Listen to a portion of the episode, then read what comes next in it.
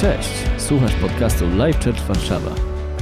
Wierzymy, że ten odcinek zainspiruje Cię do najlepszego i ekscytującego życia. Więcej informacji o naszym kościele znajdziesz na livechurchwarsaw.pl A dzisiaj będę kontynuować i będę trochę przypominać rzeczy, które mówiłam, ale chciałabym też tak, żebyśmy zamknęli to, co do ostatniej niedzieli zostało powiedziane. Chciałabym, kochani, żebyśmy zaczęli od wersetu i on się na pewno zaraz pojawi.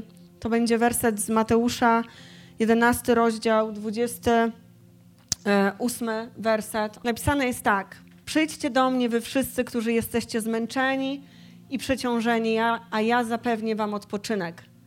Weźcie na siebie moje jarzmo i uczcie się ode mnie, bo jestem łagodny i pokorny, a wasze dusze odetchną. Moje jarzmo jest wygodne, a mój ciężar lekki. Wiecie, ten werset jest przepiękny, dlatego że tak jak Maciek dzisiaj mówił podczas momentu, kiedy dawaliśmy, mówił o tym, że Jezus i Ojciec są jednym. To było tak pięknie powiedziane.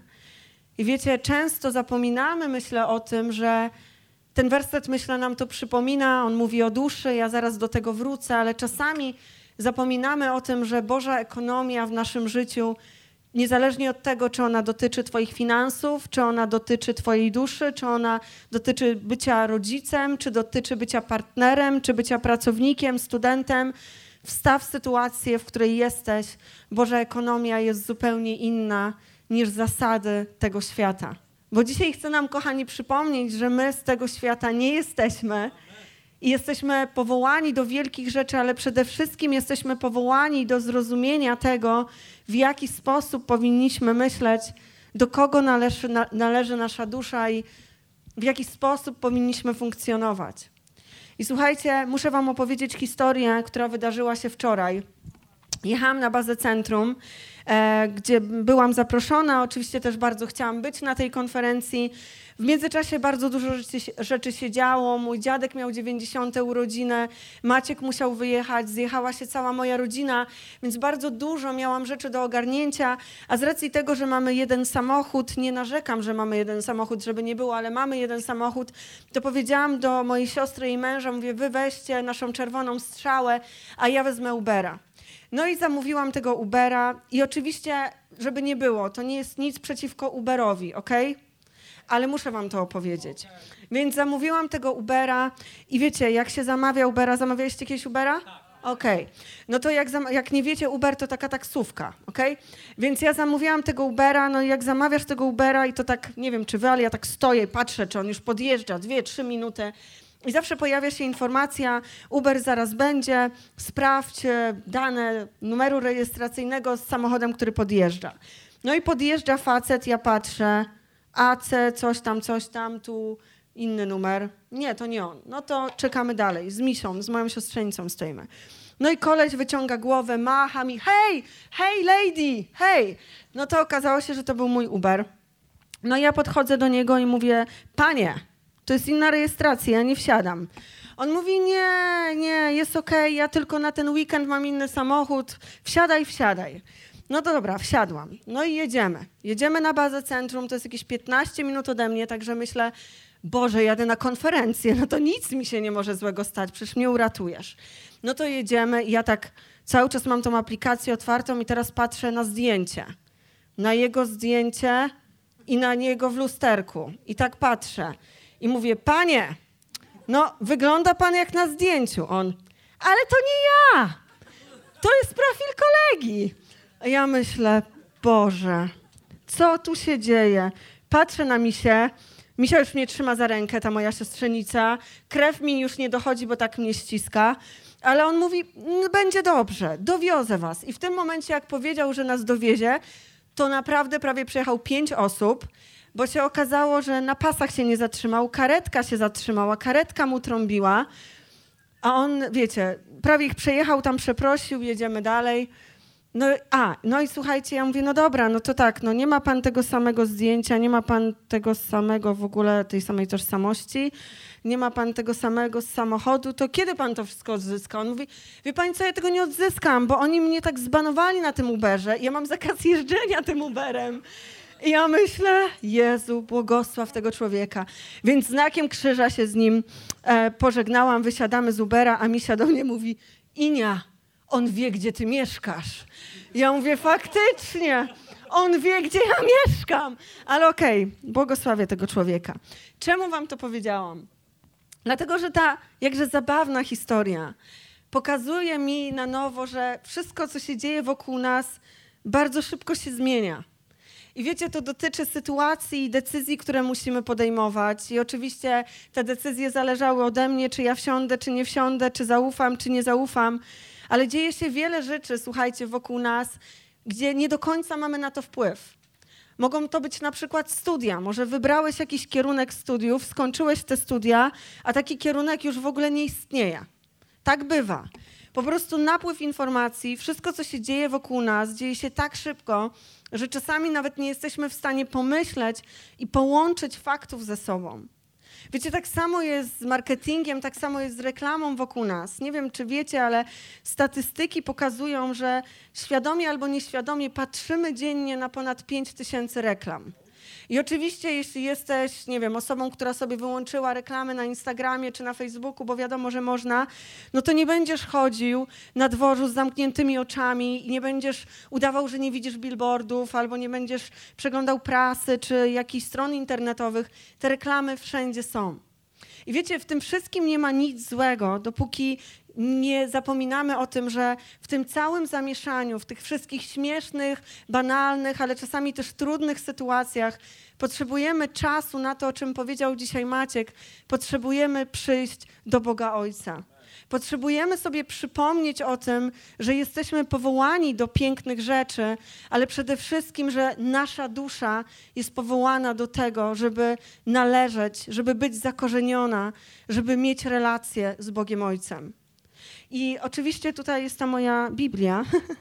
Mm, I chciałam Wam coś przeczytać, to znaczy nie wiem, czy mi się uda, bo nie wiem, czy ten werset nadal tam jest, czy go nie ma, ale e, na pewno pamiętacie, może już wam nie przeczytam, ale na pewno pamiętacie, mówiłam, za każdym razem przypominałam ten werset z Biblii.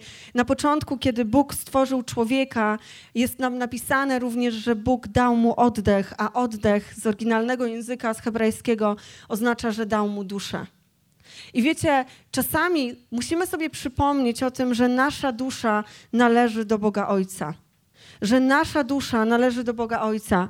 Wiecie, mm, święty Augustyn powiedział coś takiego i chciałam wam to zacytować, że nasze serce jest bez sensu, jeśli nie możemy odpocząć w Bogu. Nasze serce, nasza dusza jest bez sensu, jeśli nie jesteśmy w stanie odpocząć w Bogu. I wiecie, kiedy Maciek dzisiaj mówił, ja sobie myślałam, kurczę, on naprawdę czyta mi w mózgu, nie wiem w czym on mi czyta, bo on mówi to, co ja chciałam wam powiedzieć, więc wierzę, że Duch Święty działa i my nie mieliśmy nawet czasu porozmawiać ze sobą przed tym spotkaniem, ustalić, co mówimy. Maciek mówił o Bogu, który jest Ojcem. I wiecie, wierzę w to, że nasza dusza, oprócz tego odpocznienia, o którym mówiliśmy przez ostatnie tygodnie, nasza dusza potrzebuje wrócić do Ojca. Nasza dusza potrafi być w różnych miejscach, ale nie dlatego, że ona chce tam być, tylko dlatego, że sam ją tam wysyłasz. I wierzę, że to jest do każdego z nas. Mam nadzieję, że w żaden sposób nie poczujesz się urażony i znowu powtórzę to, co powiedział kilka e, chwil temu Maciek, ale wiecie, nasze pokolenia, niezależnie od tego, czy masz 60 lat, czy masz 20 lat, czy masz 10 lat, nasze pokolenie tak naprawdę cierpi na brak ojcostwa. I wiecie, wspomniałam o tym, że w ten weekend mój dziadek miał 90. urodziny i wiecie, wrzuciłam to na Instagram no bo nie dość, że skończył 90 lat, to chyba wydał swoją 60. książkę, czy którą się już tam, nie wiem, kilka w roku pisze. No, jak lubi, płodny jest w pisanie, pisze. I wiecie, na Instagramie ludzie do mnie pisali i mówili gratulacje, happy birthday dla dziadka. Ja mówię, dobra, przekażę mu, nie ma problemu. I dużo ludzi mi pisało, wow, masz niesamowite szczęście, że możesz w tak młodym wieku celebrować urodziny ze swoim dziadkiem. I wiecie, to mi pokazało jeszcze jedną rzecz, że nawet jeśli jesteś osobą, która wychowuje się w domu, w którym jest niesamowity tata, albo masz fajny przykład kogoś, kto jest od ciebie starszy i jest ojcem, to chcę ci pogratulować, bo prawdopodobnie jesteś jednym z nielicznych, to bardzo często, nawet jeśli to pokolenie starsze od nas o trochę jest tym przykładem, to rzadko kiedy widzimy te jeszcze kolejne pokolenia, które są albo były dobrymi dziadkami, dobrymi ojcami. I wiecie, mówię o tym dlatego, że wierzę, że Duch Święty, kiedy zaczął Bóg do mnie mówić na temat duszy ileś tygodni temu, zaczął mnie przekonywać i pokazywać mi, że pewna praca musi zostać wykonana w moim życiu, zanim będę w stanie w ogóle dalej pójść w tym, co robię, w kościele, w moim myśleniu, a dotyczyło to zrozumienia tego, że ja tak naprawdę jestem córką Boga. I wiecie, każdy z nas, jak tutaj siedzimy, niezależnie od tego, czy jesteś pierwszy raz tutaj, czy pięćdziesiąty raz, chcę Ci dzisiaj przypomnieć i powiedzieć, że masz niesamowity przywilej być córką albo synem Boga. Że nie musisz być sierotą. Nie musisz być sierotą. Wiecie, Bóg dając duszę człowiekowi na samym początku, tworząc człowieka i dając mu oddech, powiedział, że to było dobre, że człowiek był stworzony na jego podobieństwo. On tak naprawdę dał mu tożsamość, dał mu jestestwo, stał się jego prawdziwym ojcem. Ale wiecie, często w naszym ludzkim myśleniu my zapominamy o tym, że Bóg Ojciec jest inny niż to, co może w jakiś sposób doświadczyliśmy w życiu. Wiecie, to, do czego Duch Święty musiał zacząć mnie przekonywać i pokazywać mi moje jakże błędne myślenie dotyczące Boga Ojca, polegało na tym, że Bóg naprawdę jest osobą, jest Bogiem, jest Ojcem, jest tatą, jest tatusiem, który ma tysiące, setki obietnic dla mojego i dla Twojego życia, ale to, co tyczyło się akurat mojej historii, polegało na tym, że ja musiałam uwierzyć i zaufać, że te obietnice zostaną dotrzymane. Że te obietnice zostaną w moim życiu dotrzymane. Że mój ojciec, ojciec, który jest Bogiem, nie tylko daje mi te obietnice, ale będzie ich dotrzymywał. I wiecie, wierzę w to, że każdy z nas ma takie miejsca, takie myśli w swoim życiu, w swojej duszy, w swoim życiowym doświadczeniu, które może być spowodowane kimś innym, ojcem, mamą. Ja nikogo tutaj nie obwiniam, to nie o to chodzi, ale są takie rzeczy, które przenosimy często na Boga i wydaje nam się, że jeśli jest to coś, co widzieliśmy, jeśli to jest coś, co, czego doświadczyliśmy, to z pewnością jest to obraz Boga. I wiecie, często robimy to naprawdę bardzo nieświadomie. Często robimy to tak nieświadomie, że z jednej strony zachwycamy się tym, że Bóg dał nam duszę, chcemy o nią zadbać, chcemy odpoczywać, chcemy być w dobrym miejscu, ale z drugiej strony wybieramy myślenie, które nie reprezentuje zrozumienia tego, do kogo należymy i kim jesteśmy. Bo jesteś córką Boga jesteś synem Boga. Jeśli jesteś córką Boga, jeśli jesteś synem Boga, to czemu tak często czujesz się osamotniony, albo czemu tak często w swoim życiu zaczynasz wybierać izolację, czemu tak często zaczynasz myśleć, że ci się nie uda, czemu tak często zaczynasz pomniejszać wizję albo plan, który Bóg bezpośrednio dał do Twojego życia. Wiecie, nie ma nic piękniejszego dla Boga niż to, żeby dusza każdego z jego dziecka, z dzieci była w domu. Naprawdę nie ma nic piękniejszego. Nie ma nic piękniejszego. Pamiętacie ten pierwszy werset, od którego za zaczęliśmy już kilka tygodni temu, historia Marii i Marty, historia dwóch kobiet, które siedziały z Jezusem w domu, mówiłam o tym, siedziały w salonie, jedna wybrała jedną postawę, druga wybrała zupełnie inną postawę, wybrała siedzenie przy stopach Jezusa. I wiecie, to, co tak naprawdę sprawia, że jesteśmy w stanie wybierać, jesteśmy w stanie wybierać, żeby nasza dusza wracała do domu, ale mało tego, żeby nasza dusza cały czas była w domu, jest, słuchajcie, związane z tym, że my musimy zacząć świadomie przemieniać swoje myślenie. Musisz zacząć świadomie prze, przemieniać swoje myślenie. I w liście, słuchajcie, do Rzymian, nie będzie tego tutaj, ale napisane jest coś takiego. Nie podporządkowujcie się już wzorcom tego świata. Niech was przeobraża nowy sposób myślenia, abyście potrafili rozpoznać, co jest wolą Bożą, co jest dobre, przyjemne i doskonałe. Niech was przeobraża nowy sposób myślenia. Wiecie, każdy z nas jest powołany do nowego sposobu myślenia. Każdy z nas jest powołany do Bożego sposobu myślenia. Każdy z nas jest powołany do tego, żebyśmy zrozumieli, że nie jesteśmy osieroceni w żadnej sytuacji w naszym życiu, że to często Ty wybierasz osierocenie, że to często Ty wybierasz izolację, że to często Ty wybierasz e, bycie zostawionym, albo takie, wiecie, myślenie o tym, że musisz z kimś rywalizować, albo poczucie braku przynależności. Nie wiem, co to jest u ciebie.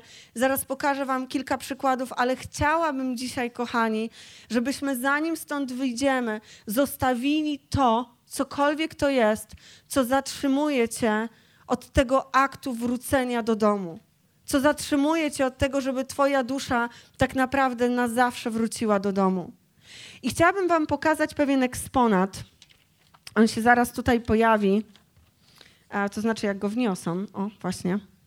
Jakby sobie tutaj mógł Andrzeju stanąć ten piękny eksponat, to będę Ci wdzięczna. Zakosiliśmy z Wojtem kwiat z pierwszego piętra, ale wróci. Wiecie może, jaki to kwiat? Juka. To palma jest. Juka. Słuchajcie, no zostałam zainspirowana tym kwiatem, ponieważ w domu też mam palmę, bo chciałam mieć taki super salon, jak tu na obrazku i teraz kwiaty modne, to ja też kupuję kwiaty. Nieważne, że te kwiaty umierają co dwa tygodnie, trzeba kupować nowe, to jest bardzo kosztowne, ale mam taką jedną palmę. I z jedną tutaj, z dziewczyn z naszego kościoła, e, rozmawiałyśmy na temat tej palmy, bo jej ta palma bardzo uschła i mówię tutaj e, o Darii. Wcale nie wypominam, ale strasznie jej uschła ta palma. I w ogóle ta, dar, e, ta, Daria istnieje, ale palma już nie. E, I Daria mi wysłała zdjęcie tej palmy. Ja myślę, moja będzie lepsza. No i opiekowałam się tą palmą. Ale potem nagle zobaczyłam, że takie jakby białe coś się pojawiło i wyczytałam, inna tutaj koleżanka mi powiedziała, że trzeba alkoholem tą palmę, no to ja tym alkoholem, wódką oblewałam tą palmę. Słuchajcie, nic nie pomogło, bo tak kazali taki tam spirytus używać, nieważne. E, nic nie pomogło i dzisiaj czy wczoraj wstałam, po prostu palma Palma już tak, po prostu ona już nie jest pionowana, jest już pozioma, ale ja wierzę, że jeszcze zmartwychwstanie. W każdym bądź razie, czemu o tym mówię? Dlatego, że jak zobaczyłam tą palmę, wiecie, Bóg mówi w różny sposób, ok? Nie jestem nienormalna, po prostu Bóg mówi w różny spo sposób i to jest. Okay. I zobaczyłam tą palmę i przypomniałam sobie, słuchajcie, psalm pierwszy. I psalm pierwszy w różnych tłumaczeniach, oczywiście nawet w języku polskim jest przeróżnie tłumaczone, ale uwielbiam ten psalm, dlatego że tam jest napisane o zakorzenieniu. Tam jest napisane o zakorzenieniu. I wiecie, ja wierzę w to, że nasza dusza, każdy z nas musi być zakorzeniony.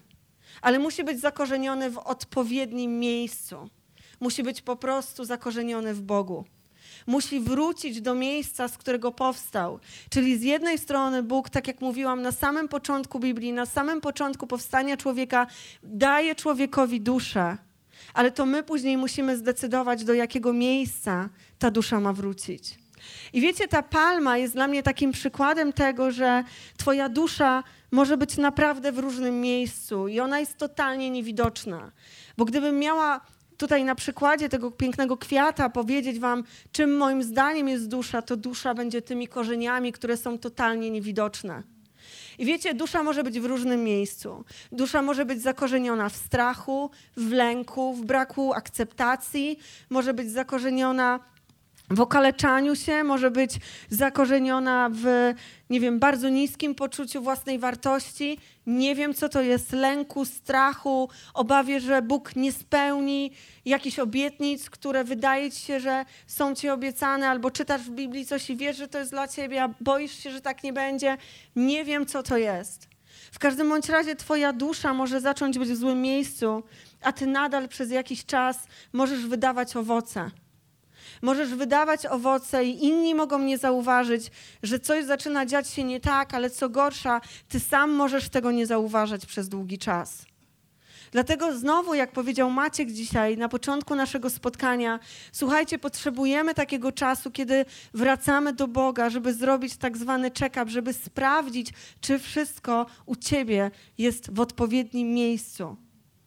Czy jesteś zakorzeniony w odpowiednim miejscu? Dlatego, że jeśli Twoja dusza jest zakorzeniona w Bogu, to będziesz wydawał niesamowite owoce. Będziesz wydawał owoce, które nie będą tylko dla Ciebie, one będą starczały dla innych. I nie wiem, co jest Twoim darem, nie wiem, co jest Twoim talentem. Ty na pewno znasz siebie na tyle, że wiesz, ale Bóg daje ci i będzie ci dawał w życiu wystarczająco dużo, po to, żebyś nie był w stanie utrzymać tego wszystkiego dla siebie. Będzie dawał ci tyle, żebyś był w stanie zacząć rozdawać to dalej. Żebyś był w stanie dawać to innym. Żeby inni mogli doświadczać faktu tego, że wiara również bierze się ze słuchania z Twoich historii, z Twojego doświadczenia Boga. Ale wiecie, Przeczytałam list do Rzymian, to co powiedział Paweł. Paweł powiedział, że musimy zmieniać nasze myślenie. Że musimy zmieniać nasze myślenie i niezależnie od tego, jak dawno temu Paweł to napisał, to jest nadal bardzo realne i bardzo rzeczywiste i bardzo aktualne w Twoim życiu. Dlatego, że nie wiem, czy kiedykolwiek się nad tym zastanawiałeś. Wierzę, że tak, ale chcę Wam to dzisiaj, kochani, przypomnieć, że jedna myśl to pikuś. Bo nie ma tak, że tylko jedną myśl mamy w ciągu całego dnia. Wiecie, diabeł będzie chodził jak lew ryczący. Jemu będzie zależało na tym, żeby twoje myśli nie skupiały się na wierze, żeby nie skupiały się na tym, co Bóg dla ciebie przygotowywał.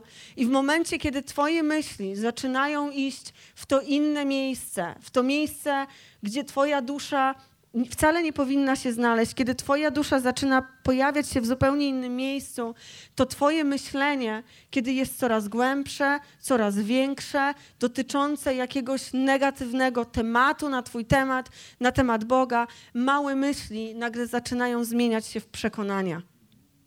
A wiecie, czym jest przekonanie? Przekonanie jest metaforą zakorzenienia. Dlatego, że jeśli chcesz naprawdę poznać człowieka, to musisz poznać jego przekonania.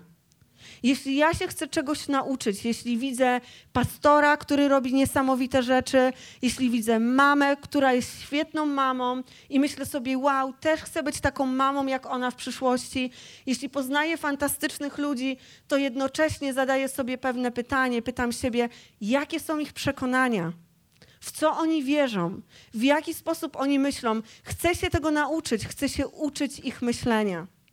Więc mamy myślenie, które przeradza się w przekonanie, staje się czymś dużo większym, ale mało tego, Twoje przekonania zaczynają być zachowaniem. Twoje przekonania zaczynają być zachowaniem. Więc wiele naszych zachowań, kochani, wypływa z miejsca, z którego wypływa nasza dusza. Ponieważ w tych miejscach będzie właśnie zakorzenione Twoje myślenie, będzie zakorzenione Twoje przekonanie i będzie zakorzenione Twoje zachowanie. I nie wiem, czy kiedykolwiek byłeś w takiej sytuacji, gdzie rozmawiałeś z kimś na jakiś temat, ktoś się żalił, ktoś prosił o pomoc, i oczywiście przychodzisz z otwartym sercem, i ktoś zaczyna wylewać ci swoje serce, zaczyna mówić o swoich kompleksach, problemach, a ty patrzysz na tą osobę i ty tego w ogóle nie widzisz. I myślisz sobie, jejku, no oczywiście chcę ci pomóc, będę się z tobą modlić, ale ja cię widzę w zupełnie inny sposób. Widzę cię pięknym, widzę cię wręcz doskonałym, widzę cię pewnym siebie, widzę cię zakorzenionym. I widzicie, tak jest właśnie z naszym myśleniem, z naszymi przekonaniami, a później z naszym zachowaniem, dlatego że to jest wszystko to, czego nie widać. Wszystko to, czego nie widać. I ostatnia rzecz, na sam koniec. Chciałabym poprosić Kamila, żeby zaczął już powoli grać. Ale to drzewo jest też pewnego rodzaju metaforą. I chciałabym, żebyśmy na chwilę wrócili do historii Adama i Ewy. I pamiętacie tą historię? Wszystko się potoczyło, jak się potoczyło. Było drzewo, mieli, mieli nie jeść owocu, zjedli owoc. Ale wiecie, ja wierzę w to, że Bóg jest naprawdę dobrym tatą. Naprawdę dobrym tatą. I wiecie, w naszym życiu, w życiu każdego z nas, nie mam tutaj drugiego takiego kwiatka, ale możecie sobie to wyobrazić. W każdej sytuacji tak naprawdę jesteśmy i stoimy przed wyborem nie jednego drzewa, ale dwóch drzew. Zawsze jest prawda i zawsze jest kłamstwo. Zawsze jest prawda i zawsze jest kłamstwo. I na ekranie pojawi się zaraz taka tabelka. Chciałabym Wam coś pokazać. Zawsze jest kłamstwo i zawsze jest prawda.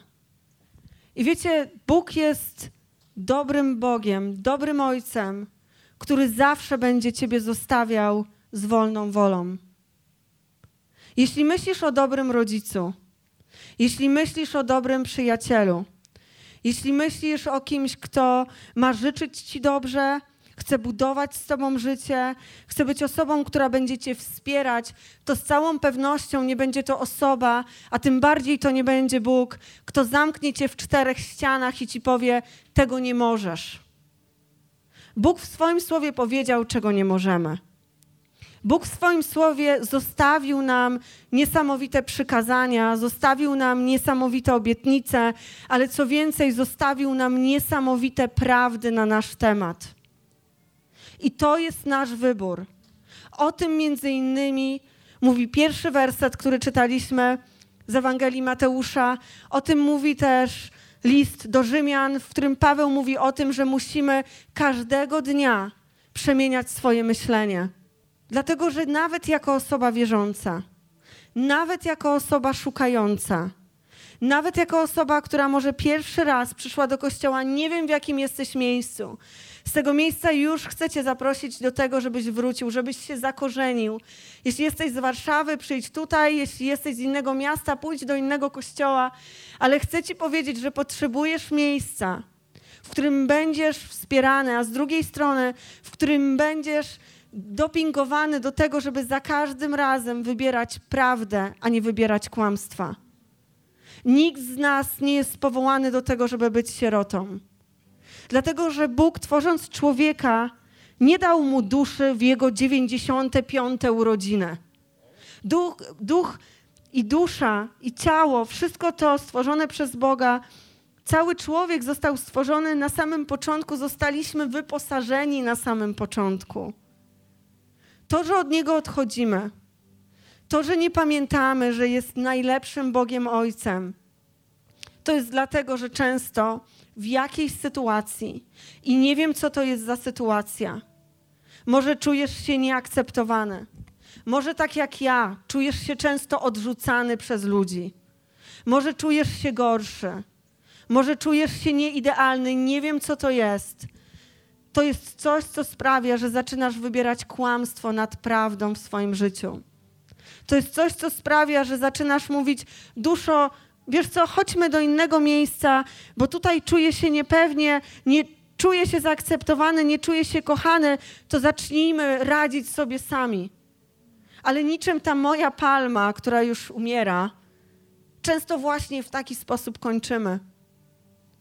A ja, kochani, Zależy mi na Was zbyt bardzo i zbyt mocno do tego, żebyśmy kończyli w taki sposób. Nie chcę, żebyśmy skończyli tą serię dotyczącą duszy bez oddania Bogu rzeczy, które musimy Mu oddać, kłamstw, które nie są nasze i otrzymania prawdy, która należy do nas. Dlatego, kochani, teraz mam nadzieję, że to nie będzie dla nikogo dziwne. Połóżcie rękę na swojej głowie. Żartuję. Wstańmy wszyscy. I to, co zrobimy, nie wiem, czy kiedyś byłeś w takiej sytuacji, ale chciałabym, kiedy Kamil gra, chciałabym, żebyśmy mieli chwilę ciszy. Chciałabym, żebyśmy mieli chwilę ciszy. I chciałabym, żebyśmy, tak jak stoisz, tak jak czujesz, żebyś zaczął oddawać Bogu rzeczy, które cię uwierają. Nie musisz nawet mówić tego na głos. Możesz to wyszeptać, możesz to pomyśleć.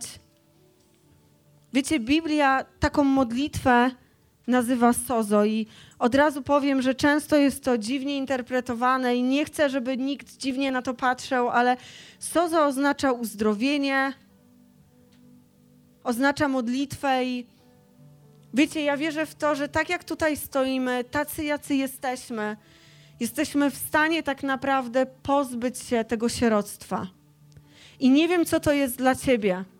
Ja się podzieliłam z wami tym, co to było dla mnie. Dla mnie to był strach przed tym, że Bóg Ojciec który jest niesamowitym Bogiem w niebie, nie dotrzyma swoich obietnic, bo mój ojciec tutaj na ziemi ich nie dotrzymywał.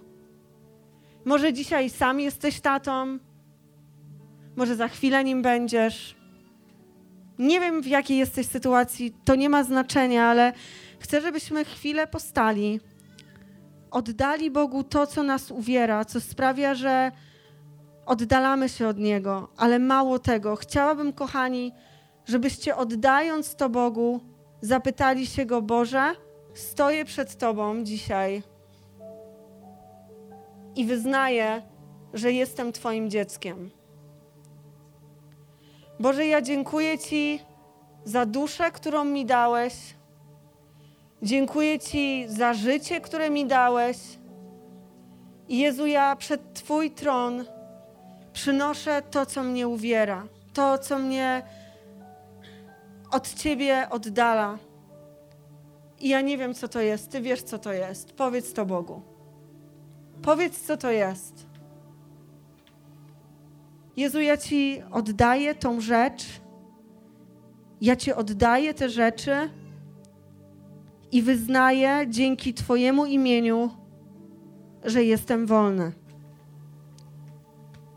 Boże Ojcze, i stojąc przed Tobą, chcę się Ciebie zapytać, co masz dla mnie w zamian.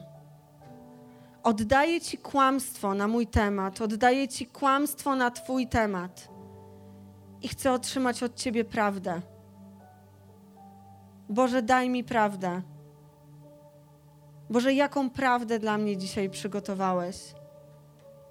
Ja naprawdę wierzę, kochani, że jak tak chwilę postoimy razem, ja wierzę, że Bóg będzie do nas mówił i nie wyjdziesz bez uczucia, bez emocji, bez słowa, bez przekonania.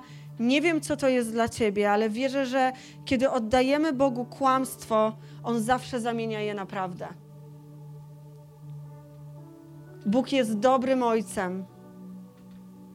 Jest królem królów, jest królem prawdy i przygotował dla ciebie samą prawdę.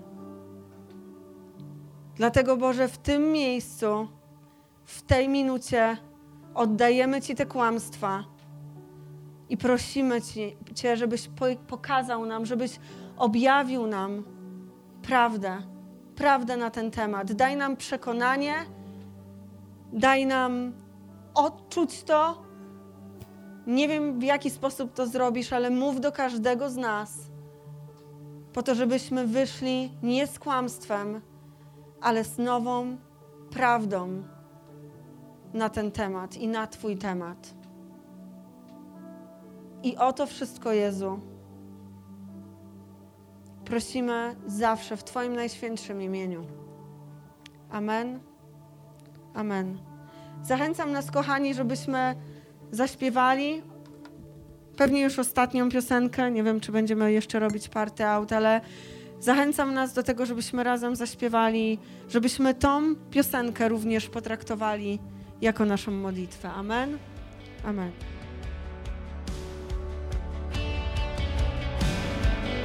Mamy nadzieję, że ten odcinek Cię zainspirował. Kolejne odcinki ukazują się co tydzień. Pamiętaj, że możesz odwiedzić nas każdą niedzielę, a więcej informacji o naszym kościele znajdziesz na livechurchwarsaw.pl.